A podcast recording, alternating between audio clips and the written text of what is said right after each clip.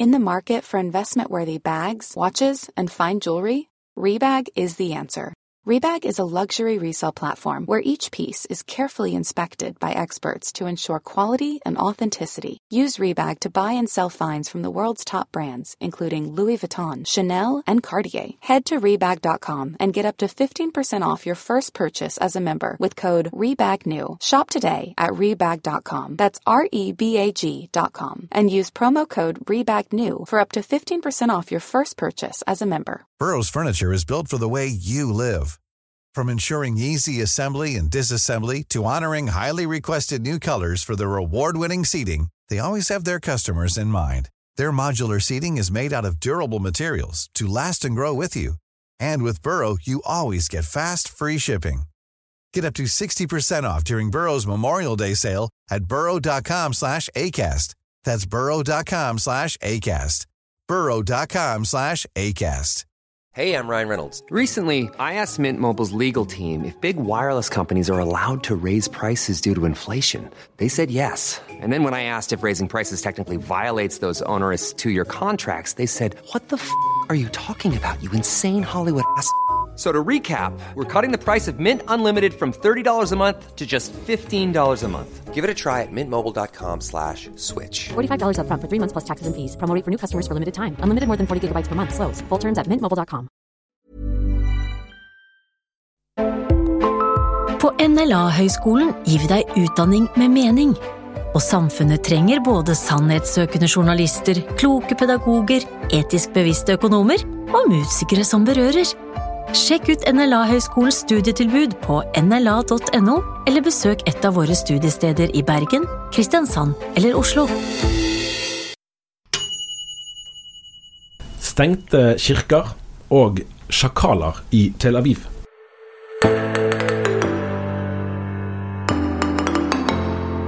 I denne ukens episode av Tore og Tarjei sitter jeg her, Tarjei Gilje, sammen med kollega Tore Hjalmar Sævik, og dessuten kollega Kenneth Rasmussen, som til vanlig er i Israel. Men der er det ikke lett for deg å komme inn i det hele tatt nå.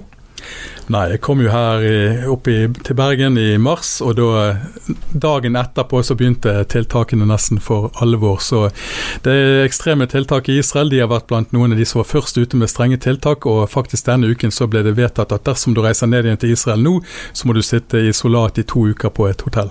Jeg, jeg husker jeg sendte en link til deg, Tarjei, i mars eh, fra eh, avisa Israel Today. Den som vil eh, følge sånn greit med på hva som skjer i Israel. Det er egentlig en veldig ok kilde der. Eh, men, men eh, da var det, var det Benjamin Netanyahu, statsminister, som var meget alvorlig avbilda, og sammenligna dette her nesten med en situasjon som ikke var Ja, ikke vi har sett maken til på hundrevis av år, egentlig. Akkurat. Vi skal komme nærmere tilbake til det, men vi skal begynne et annet sted. og Det var uh, i en sak som har sitt utspring i noe som helsedirektør Bjørn Gullvåg sa på et NHO-initiert seminar denne uken. Der ble han spurt om når han tror det vil være mulig å ha kurs, selskaper, konferanser med type 30-100 mennesker igjen. Og dette var ikke myndighetenes formelle fastsatte vedtak, men dette var hans vurdering som svar på et spørsmål. Og, og svaret var i retningen av at hvis vi er virkelig heldige, så kanskje til nyttår. Eh, Og 30-100 mennesker, det betyr jo i praksis at hvis dette skal settes ut i livet, så er jo egentlig alle landets eh, kirker stengt hele resten av året. Det vi også, bare før vi går videre inn, jeg bør nevne at den saka var det av alle dagen som eh, meldte. Det er jo litt det, kjekt, sånn journalistisk kjekt for egoet eh, å si. Ja, og den ble også plukka opp av Aftonbladet i Sverige, så vi nå i ettermiddag. Nei, det er, jo, det er jo utrolig spesielt da, hvis det er sånn at det ikke skal være gudstjeneste. Iallfall i eh, ja, mange eh, forsamlinger og menigheter er jo flere enn 30 når en er samla. Så, så det, det blir jo en ganske uvirkelig situasjon. Det er egentlig ganske ubegripelig. Og, og en ting er jo Nå har vi hatt dette en måneds tid, og mange har vel navigert fra uke til uke. Og vi har jo snakket i en tidligere episode om hvor mange menigheter det er som har klart å snu seg fort og etablere seg eh, på digitale plattformer på en helt annen måte enn de hadde gjort eh, før. Eh, og så kan man stunte i noen uker og ha noen sånne tiltak som man får til akkurat for en kort periode. Men et halvt år uten, uten gudstjenester, det er lenge. Hva konsekvenser vil det ha hvis, det, hvis dette faktisk slår til? Vi vet jo ikke det ennå. Nei, det er viktig å si, det vet vi ikke. Men det er samtidig få andre enkeltpersoner i landet som har mer å si i den saken enn nettopp helsedirektøren. Det er jo derfor uttalelsen er så interessant eh, som den er. Ehm, det ene er jo, som vi har skrevet en del om eh, her i dag, det økonomiske ved en sånn nedstenging. Det, Det, er jo ikke det viktigste, men det er, det er, samtidig viktig fordi alle har en økonomi. og Går ikke den rundt, så, så, vil det også ha konsekvenser for hva ellers som kan, kan foregå.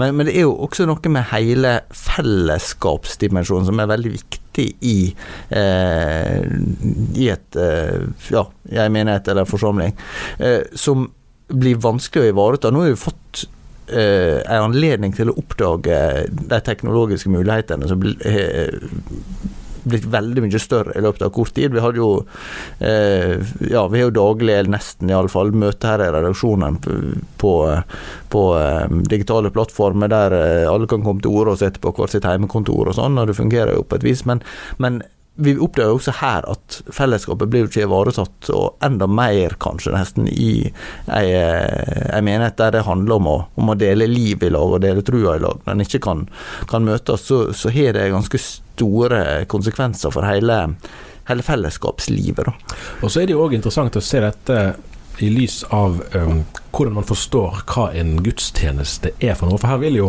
ulike kristne sammenhenger vurdere situasjonen litt ulikt. Altså alle, alle vil jo mener at det er uheldig at man ikke kan eh, møtes på en så lang tid som dette. Eh, men, men f.eks. Eh, for, for altså åpenbart for, for, katolske og for ortodokse kristne er det veldig dramatisk at de ikke kan gå til nattverd.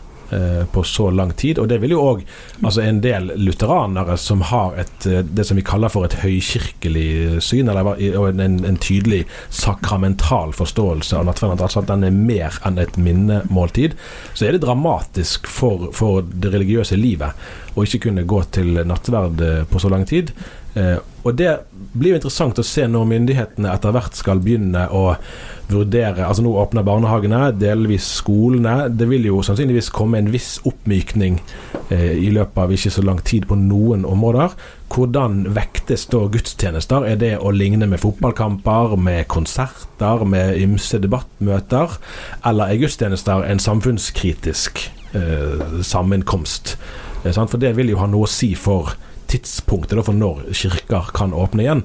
Og Her forstår vi da at det vil jo òg ulike kristne miljøer ha litt forskjellig forståelse av.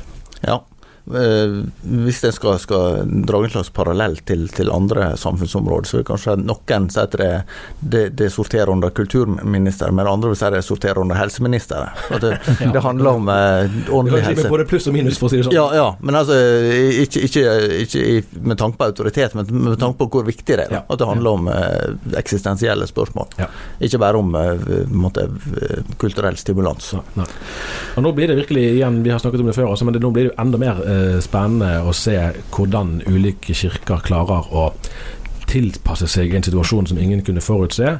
Eh, og Så får vi se hva det blir rom for. Kan man ha, eh, kan man ha gudstjenester på skift, så å si? Altså at man 30 stykker kan komme klokken 11.30 til klokken 12 eller 1 eller 2, eller kan man ha på ulike dager?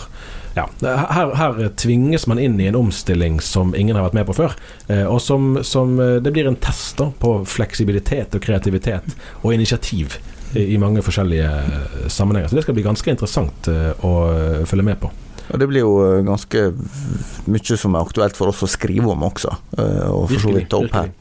Jeg fulgte med på, på påskenattsgudstjenesten fra Bergen domkirke her, og når biskopen, biskop Halvor Nordhaug påpekte det ganske tankevekkende, men observerbare faktum at det er første gang på 1000 år at den kvelden der at eh, kristne mennesker ikke kunne samles eh, til gudstjeneste. Når vi snakker om at dette er 1000 år siden sist det skjedde sånn, da er det en ganske lang horisont.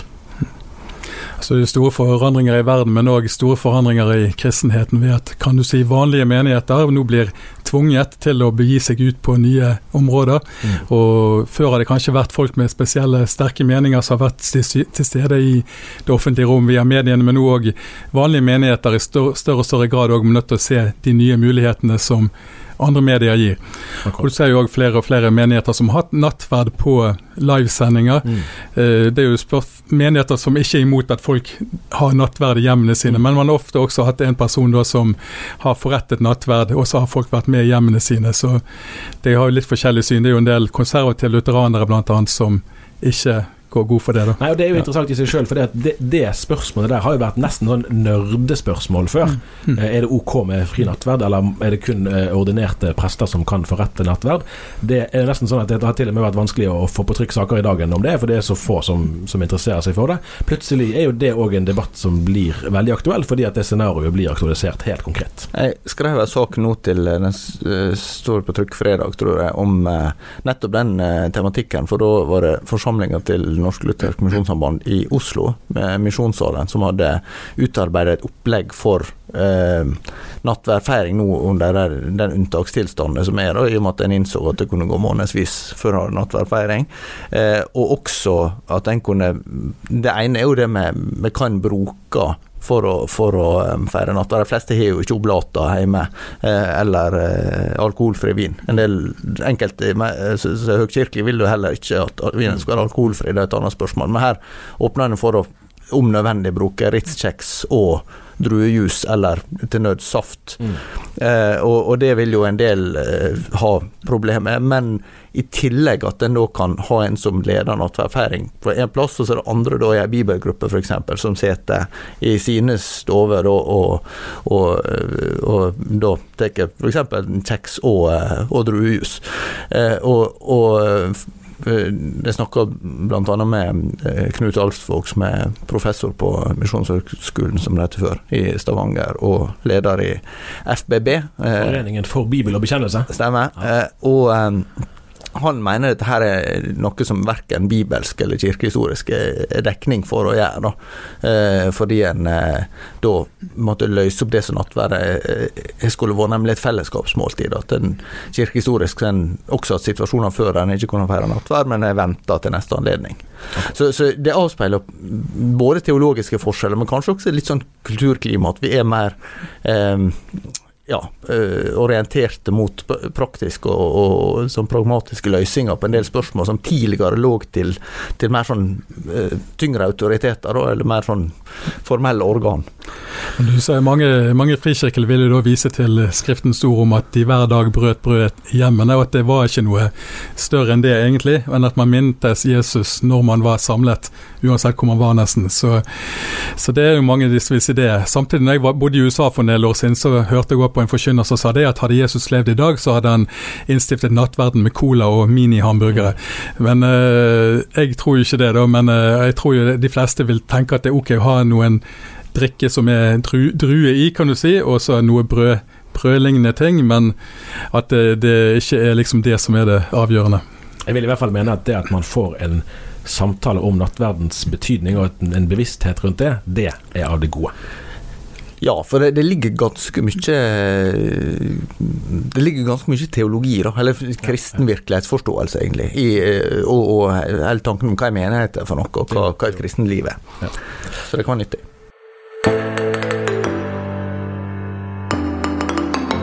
Da vender vi blikket et godt stykke sørover. Og så må vi jo skyte inn at aviser og medier og for så vidt mange samtaler mellom eh, mennesker òg er preget av korona i disse dager, og det kan fort bli en metning.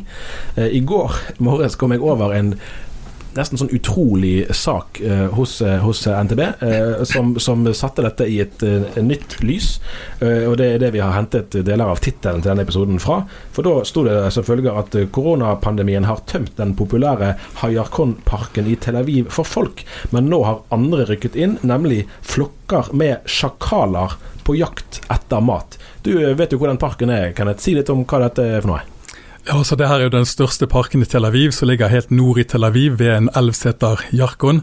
Og det her er vanligvis stappfulle av barnefamilier som er på, og folk på piknik og lignende. Og, men de siste ukene så er det kun en enslig jogger nå og da som har beveget seg gjennom parken. og Samtidig som menneskene har forsvunnet, så har dyrene begynt å trekke inn. Det er litt sånn som man ser over hele verden, at uh, flere byer rapporterer seg om at både ulver og bjørner og andre ting har kommet inn i byen, mens i Tel Aviv da, så er det altså sjakaler da, som har inntatt parken. og Det er snakk om over 100 sjakaler som nå bor i en park midt i en millionby.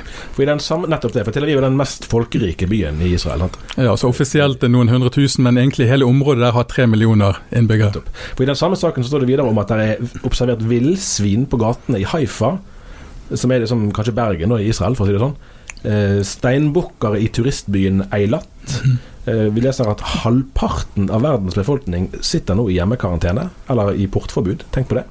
I Barcelona dukka det opp en bjørn på gatene. I hovedstaden i Chile, Santiago, var det en puma som var inne i byen. Sikahjorter i Japan, kronhjorter i India, ville kalkuner i California, prærieulver i San Francisco, aper i thailandske byer som Lopuri nå er jo ikke, altså Vi vil jo si at menneskers lidelser eh, vanligvis eh, får mer oppmerksomhet enn dyrs eh, lidelser, men her er det jo desperasjonen på jakt etter mat som driver dyrene inn på steder de vanligvis ikke er, men òg det at det er tomt for mennesker. Og det illustrerer veldig konkret hvor utrolig dramatisk situasjonen nå er.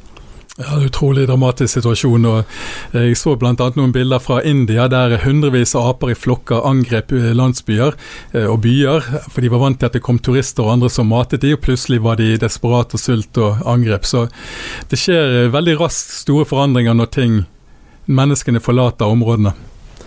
Den 12. Eh, mars, samme dagen som, eh, som, eh, tiltakene i Norge for alvor ble kjent og ble strammet inn, den formiddagen så leste jeg i en avis som heter The Times of Israel, som er en av de Den er vel ikke så veldig gammel, han som er redaktør der, var tidligere redaktør i Jerusalem Post. Han heter David Horowitz. Han er forresten Arsenal-tilhenger, som meg. Så han har jo noen fornuftige sider, i hvert fall da. Og sikkert mange flere. Han hadde, gjenga da et tale fra en ytterst alvorlig statsminister Netanyahu, som da hadde Og dette var jo på et tidligere stadium enn vi er nå. Så dette var før alvor hadde sunket inn for alvor òg her i landet. Så viste han til Tysklands forbundskansler eh, Angela Merkel, som jo har naturvitenskapelig bakgrunn sjøl, og som hadde anslått at 60-70 eh, av hennes befolkning ville bli eh, smittet. Anslagsvis 50 millioner mennesker, med en dødsrate på 2-4% Da snakker vi jo veldig høye dødstall. Og det har jo gitt eh, en slags legitimitet, da kan du vel trygt si, for at han har stått i spissen for veldig strenge tiltak i Israel, som du beskrev litt innledningsvis. Si litt mer om, om hvordan samtalen der har vært den siste måneden, sammenlignet med hvordan den er her i Norge. Ja, du kan si det. Allerede helt i begynnelsen, lenge før de fleste andre land, så vedtok jo Israel at man skulle ha strenge tiltak for de som kom til Israel fra land med mye smitte. Og det gjaldt mange land i Europa og i Asia som var på en liste. Og Dersom du hadde vært i de landene bare mellomlandet, så måtte du inn i to uker selvkarantene. Og Siden har det blitt strengere og strengere tiltak. Det ble jo innført at man ikke kan samles mer enn ti personer veldig raskt. Og så ble det bl.a. innført at du får ikke lov å bevege deg mer enn 100 meter fra hjemmet ditt dersom ikke du har spesielle grunner til det. Og Senest denne uken, hvis jeg skulle reise ned igjen nå, så måtte jeg vært to uker i isolat på et hotellrom mm, mm. dersom jeg ville inn i landet. I Norge skal jo nå barnehagene begynne å åpne igjen eh, neste uke, og vi leser, det er nesten utrolig å lese i avisen om at myndighetene først innfører veldig sterkt frihetsberøvende tiltak, og så skal de begynne å åpne opp igjen, og så er det en del foreldre som sier nei, nei, nei, nei, nei. dere må ikke ta den friheten altså, du, altså, vi vil ikke ha den friheten til å kunne, til å kunne bevege oss. At man, man syns nesten at myndighetene ikke er strenge nok. Eh, og, og det er stor oppslutning om de tiltakene som er trådt i kraft, selv om de er veldig, veldig strenge. Eh, hvordan har folket i Israel reagert sammenlignet med folket i Norge på dette? Så Det store flertallet av folk i Israel de har eh, støtta fullt opp om Netanyahu. eh, Populariteten hans har steget i været. Sant? Hans personlige popularitet og partiet hans sin popularitet er så høy som det noen gang har vært. Og Han har stått i spissen for svært strenge tiltak. og jeg tror det er at En av grunnene til at eh, israelerne har gått med på dette, her, det er at de er vant til å leve i krisesituasjon hele tiden. De er under konstant trussel, mm. eh, føler de, og de har vant til å måtte ta ekstreme tiltak. og Det er en av grunnene til at det store flertallet har vært med på dette. og Jeg har snakka med folk som jeg kjenner nå, som sier de at eh, vi er kjempeglade for vi har Netanyahu som leder oss i en tid som dette her. Så der er det liten opposisjon til tiltakene. Men det har vært problemer med å få med seg den ultranasjonale, unnskyld, ultraortodokse befolkningen, som utgjør omkring 10 av innbyggerne i Israel. La, la, oss komme til det. Jeg vil bare spørre om en annen ting først. Fordi at i, i, Norge var jo saken før dette at vi hadde en regjering med partier som strevde på målingene. Det er stortingsvalg til neste år, eh, og det meste tydet vel på at, eh, at i hvert fall var det ikke opplagt i det hele tatt at de sittende eh, regjeringspartiene ville få flertall ved neste valg. Så er det sånn at sånne her kriser påvirker jo gjerne betydelig mm. eh, hvordan en regjering eh, står i, i, befolkningen. Og nå ser det ut for at, at eh, håndteringen så langt har, har, gitt tillit, økt tillit til Erna Solberg og hennes eh, mm. regjering. I Israel er det jo en uhyre spesiell politisk situasjon med flere nyvalg på kort tid, og en statsminister som egentlig skulle i retten. Mm. Eh, hvordan har, har eh, situasjonen påvirket politikken der? Du kan si det at no, De som kritiserer Netanyahu, vil jo si at en av grunnene til at han har kjørt så strenge tiltak, det er på en måte å vende blikket vekk fra han selv, hans situasjon, og rent faktisk òg at man har lagt ned hele rettsvesenet på ubestemt tid. Dermed kan ikke saken mot han starte opp igjen. Men eh, hva var spørsmålet ditt? Nei, for det, var, altså, det, har jo vært dette tredje valget nå på et ja. års tid. Tredje valget på et års tid var i mars, og ja. det som er spørsmålet nå, vil vi få et fjerde valg? For det som er greien var at natt til torsdag denne uken, altså, så, natt til i dag, natt til dag som vi snakker, så eh, klarte ikke de fristen med å danne regjering, og nå har presidenten sagt at innen tre uker kan hvem som helst av stort, stortingsrepresentantene, ja, ja. parlamentarikerne i Knesset i Israel, eh, blir valgt til å bli en statsminister dersom man får flertallet med seg. Så det, det, er fortsatt mulig at det kan bli en samlingsregjering mellom Netanyahu og utfordrer som heter Benny Gantz. Si litt om hvem han er, han Benny Gantz. Benny Gantz han er tidligere general i Israel, og det som skjedde for eh, snart halvannet år siden, litt over et år siden, når man hadde dette førstevalget, det var at da det ble opprettet en hel haug med partier, og mange av disse fant sammen i ett parti som ble kalt for De blåhvite.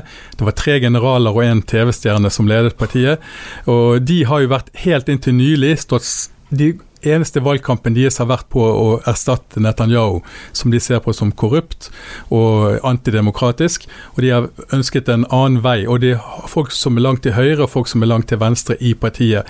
Men eh, det som skjedde nå for et par uker siden, var jo at eh, Benny Gantz sa det at han var villig til å danne en, pga. koronasituasjonen, danne en samlingsregjering. Og da ble det jo splittelse i partiet. Ja. Samtidig er det han som har fått mandatet til å starte en regjering inntil natt til torsdag, mm. fordi det var han som eh, på en måte ble, hadde mest parlamentarikere i ryggen da, opprinnelig. Akkurat. Så Tre generaler og en TV-stjerne. Jeg bare prøver å, Det er interessant synes jeg, å overføre eh, altså israelsk politikk til norske forhold og prøve å forstå eh, hva, hva, hva, kan dette lignes med? Og Det er vel verken vanlig at generaler eller TV-stjerner stiller til valg i Norge? Nei, og, men jeg kan du si at eh, alt dreier seg egentlig om sikkerhet i Israel. Og egentlig er det ikke lenger noen forskjell i politikk når det gjelder sikkerhet. Du har litt ulike begrunnelser, noen er mer religiøst nasjonalistisk begrunnet. Men egentlig så er det veldig liten debatt når det gjelder sikkerheten. Og det, det betyr at eh, folk er fornøyd med Netanyahu og sikkerhetsmessig, het ting. Men dersom noen skal slå Netanyahu, så har det vært nødvendig nesten med en general som også kunne garantere for sikkerheten, kan du si. Du har jo hatt det tidligere med Eud Ol Nei, ikke Eud Olmert, men han her Eud Barak. Ehud Barak, ja. selvsagt. Som eh, var høyt rangert eh, general. Men han var jo mer på venstresida politisk, og og da snakker vi jo den høyre-venstre-aksen som går på eh, forhandlingsvillig versus eh, mer restriktiv. Da. Ja. Så det handler jo ikke om den høyre-venstre-aksen vi vanligvis snakker om.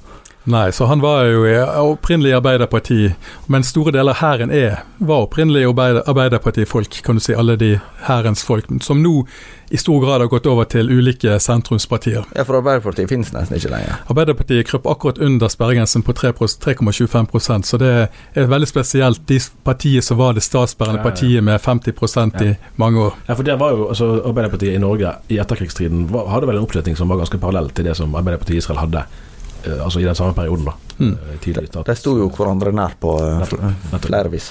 Men du sa, altså oppfatter vi det sånn at det mest sannsynlige ser ut til å være enda et nyvalg da over uh, sommeren? Ja, det kan fremdeles være at uh, Benny Gantz og Benjamin Netanyahu, som er de to store politikerne i Israel nå, hovedutfordrerne finner sammen og lager en kriseregjering pga. korona. Mm. Og da vil Gantz få de første Benjamin Netanyahu få de første 18 månedene, og deretter bli erstattet av Gans. Men eh, mer og mer så tenker jo mange at det kan gå mot et nyvalg til høsten, et fjerde valg. Mm. Og kanskje har eh, Netanyahu ønske om det, hvem vet. fordi at eh, han er skyhøyt på meningsmålingene nå, og dersom det blir oppslutningen klarer å holde seg helt til i høst, så vil han kanskje få flertall med sin koalisjon i Knesset, og det kan gjøre òg at han eh, kanskje slipper unna noen av disse korrupsjonstiltalene. Det er jo På mange måter så er det jo sitt institusjon som vi kan kjenne igjen. Eh, altså Dette er et levende demokrati. De har et, et, parlament som fungerer, som utnevner regjeringer og kaster regjeringer. Samtidig så er det mange ting som er veldig veldig forskjellig, mm. eh, som gjør at vi, vi, kan speile oss i det israelske samfunnet og lære mange ting både om de sjøl og om oss, for å, for å, si det sånn. Du nevnte den ultraortodokse minoriteten, som er ganske betydelig i størrelse i Israel, og som forholder seg litt annerledes til koronasmitten enn en flertallet gjør. Eh, og Der kan vi òg trekke noen paralleller. Ja, de forholdt seg i hvert fall annerledes i starten. Og det har med å gjøre at de er jo et veldig segregert samfunn. De lever på siden av samfunnet som ellers. Ellers samfunnet. De er ca. 10% kanskje 11 Og greien der er at eh, mange av de har ikke internett, eller de bare har applikasjoner som gir de tilgang til nettsider som rabbinerne har godkjent. De følger ikke med på vanlige medier, og har ikke TV mange. Og Det gjør at eh, de var sein med å forstå dette her med koronasmitten sin trussel.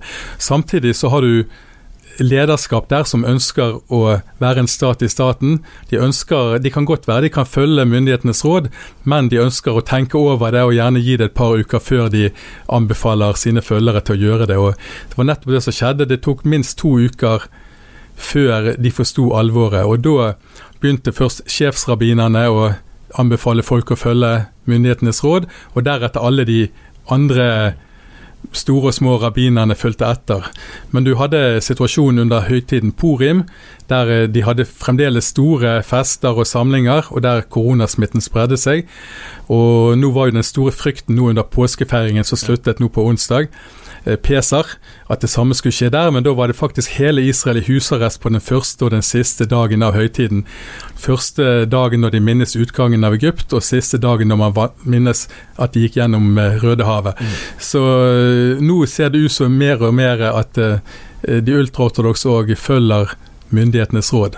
For her kan jeg vel si til Hjalmar at Vi har snakket en del om konspirasjonsteorier og sånne ting her til lands, men vi har vel knapt sett noen religiøse minoritetsmiljøer som ikke vil forholde seg til eh, de reglene som myndighetene har foreskrevet? Det har jeg iallfall gått meg hus forbi. Eh, så jeg tror at det må, må være ja, veldig lite utbredt. Du, du våker jo stadig over det som skjer i Amerika. Hvordan er det der? Eh, der har jo fått en del oppmerksomhet at det har vært enkeltpastorer som har, trossa eh, forbudet mot forsamlinger. Det er nok ikke veldig utbredt. Eh, så, så, og eh, en kan jo også lure på Det, det er jo et marked her, så, sånn at en, eh, noen kan jo eh, måtte, ja, bli mer synlig ved å, å være ekstra dristige, da kanskje. Eh, men, men, det er jo ikke noen gjengs holdning at, at dette her er, er noe en, vil utfordre. Eh, samtidig så er det kanskje enkelte som er spent på nå når ramadan nærmer seg, om det kommer til å bli samme eh, restriksjonene lagt på det, da, altså den muslimske fastemåneden. Når er det ramadan begynner? Begynner 23. april. Og Det er jo òg i Israel en veldig usikkerhetsmoment der. For det at eh, Israel har eh, stor kontroll over situasjonen, men i de arabiske byene og landsbyene der er det mynd israelske myndigheters nærvær mye mindre. Så ja. vil virkelig da òg eh, muslimene godta å ikke samles til store måltider om kvelden? Det er det store spørsmålet. Nettopp. Nettopp. Eh, vi er i en situasjon som er uoversiktlig på veldig mange måter, og, og, og vi vet altså vi vet litt om morgendagen, kanskje, i den grad vi gjør det òg. Eh, men, men, i hvert fall litt frem i tid så er det mye som er usikkert. Og da kan jo vi møte det på forskjellige måter. Uh, og vi har jo skrevet litt om endetidsdimensjonen, som en del prøver å lese inn i sånne her uh, unntakstilstander. Nå er jo det der med å, anklage andre for å være drevet av frykt, er jo en, en velkjent mekanisme i mange sammenhenger. Og det er jo sånn typisk at de som mener at noen er drevet av frykt, det er, det er alltid noen som snakker om noen andre enn de sjøl. Men jeg lurer på, kan vi si noe generelt så langt om hvordan ikke minst kristne mennesker, både i USA og her i Norge og andre steder, så langt forholder seg kristenheten er jo eh, veldig stor. Da, sånn at den, eh, det, det var nevnt her på et redaksjonsmøte at eh, Hviterussland var det landet som skilte seg ut i Europa, der alt gikk som, gikk som vanlig. Og viruset var erklært ikke være noe problem.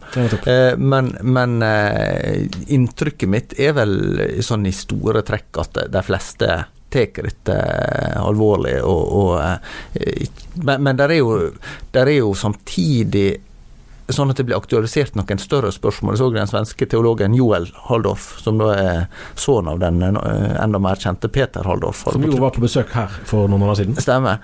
Han hadde på trykk en kronikk som han har skrevet på svensk, men som eh, Tankesmia Skaperkraft hadde fått omsett til norsk da, i, i VG, eh, som heter 'Det verste er ikke å dø'. Det, eller det finnes ting som er verre enn å dø.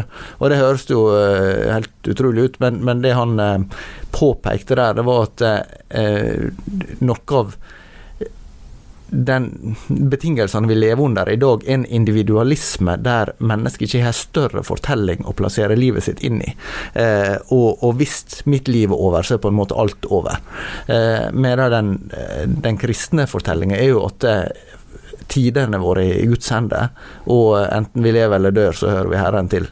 Eh, og, og sånn sett så så betyr ikke det at vi ikke blir redde, eller at vi ikke kan være bekymra, eller at vi skal ta lett på ting. Men, men, om ting går godt eller dårlig, så er det veldig stor forskjell på om en kan plassere livet sitt i en større sammenheng og tenke at dette her eh, Jeg kan tro på den som har kontroll over dette, eller om jeg tenker alt står på spill med mitt liv. Da. Så, så sånn i lys av påskebudskapet, så har iallfall jeg tenkt på det at det, det å bevare det kristne håpet eh, at vi skal ta, ta, alvorlig den situasjonen vi lever i og de utfordringene den innebærer. Det, det er veldig viktig, altså.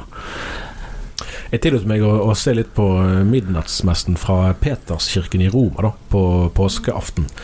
Eh, og det sto meg da vi hørte, sant, vi hørte paven tale og, og, insistere på at vi må holde fast ved håpet. Og han, Det er en tom Peterskirke. Det var jo sånn seks-syv stykker som skulle liksom utgjøre en slags forsamling. Eh, men han er jo i Italia, eller like ved Italia, da, hvis vi skal være helt korrekt eh, som virkelig har opplevd dette dramatisk. Sant? Med over 20 000 dødsfall, ja. er det vel? Jeg tror rundt 100 prester også. Nettopp. Og da blir jo altså, altså Påsken er jo, er jo, en høytid med, der liv og død blir tydelig aktualisert, og det blir jo nærmere. Brutalt, kanskje, men like fullt. Eh, I en påske under disse forholdene. Ja, og, og sånn grunnleggende sett så, så, blir vi jo egentlig tettere på livet de livsvilkårene som mennesker alltid har levd under, ofte mer intenst enn det vi gjør i dag, nemlig at vi er dødelige. Eh, og, og, hva svar har vi på det? Her eh, passer det jo, eh, hvis vi kan, det er jo ikke akkurat muntert, men, eh, men nå kan jo historiker Sævik få dra linjen til det romerske felttogene og hva det var han skulle hviske i øret til seierherrene, han som sto ved siden av dem. Ja, det var vel å, å minne deg om at du, du skal dø. Memento mori. Ja. Eh, men, men, så er det jo også noe med, fra vårt perspektiv å, eh, minne om, som ble, ble, sunget mye i sosiale medier nå i forbindelse med, med påske. Så var jo Norges kristne råd som inviterte til, eh, til påskesung 2020 og synge 'De være ære Herre over dødens makt'. Mm. Det er jo forresten en fin ting som, som flere har gjort. Jeg så at Garne, som var på besøk her tidligere, har laget en sånn innspilling av Er det sant? Altså den ene sangen fra platen deres, der de er på hvert sitt sted. Eh, og spiller hvert sitt instrument og synger hver sin stemme og legger det inn sammen. Og Det er det jo flere, det var noen lovsangsledere som gjorde det med navnet Jesus vel, eh, noen uker før. Og det har vært flere både kor og korps som har gjort det samme. Det er veldig stilig. Det er, det, det, er jo, det er, jo, de som klarer å snu begrensningene til rom for kreativitet. Mm. Og, og, kreativitet handler jo ofte om å forsone seg med begrensninger. Eh, når, all, når, alle muligheter er åpne, så er vi egentlig vanskeligere for å bruke det eh, enn hvis at vi, vi får altså, ressurs, knappe ressurser eh, hjelper oss å forvalte dem bedre. Det var såpass godt sagt at jeg tror kanskje det må forbli eh, siste ordet for i dag. Eller vil du si noe, Kenneth, til slutt? Nei, jeg er enig med det. Enig med det. Ja, men det er fint. Så sier vi takk for nå, og vi er tilbake neste uke.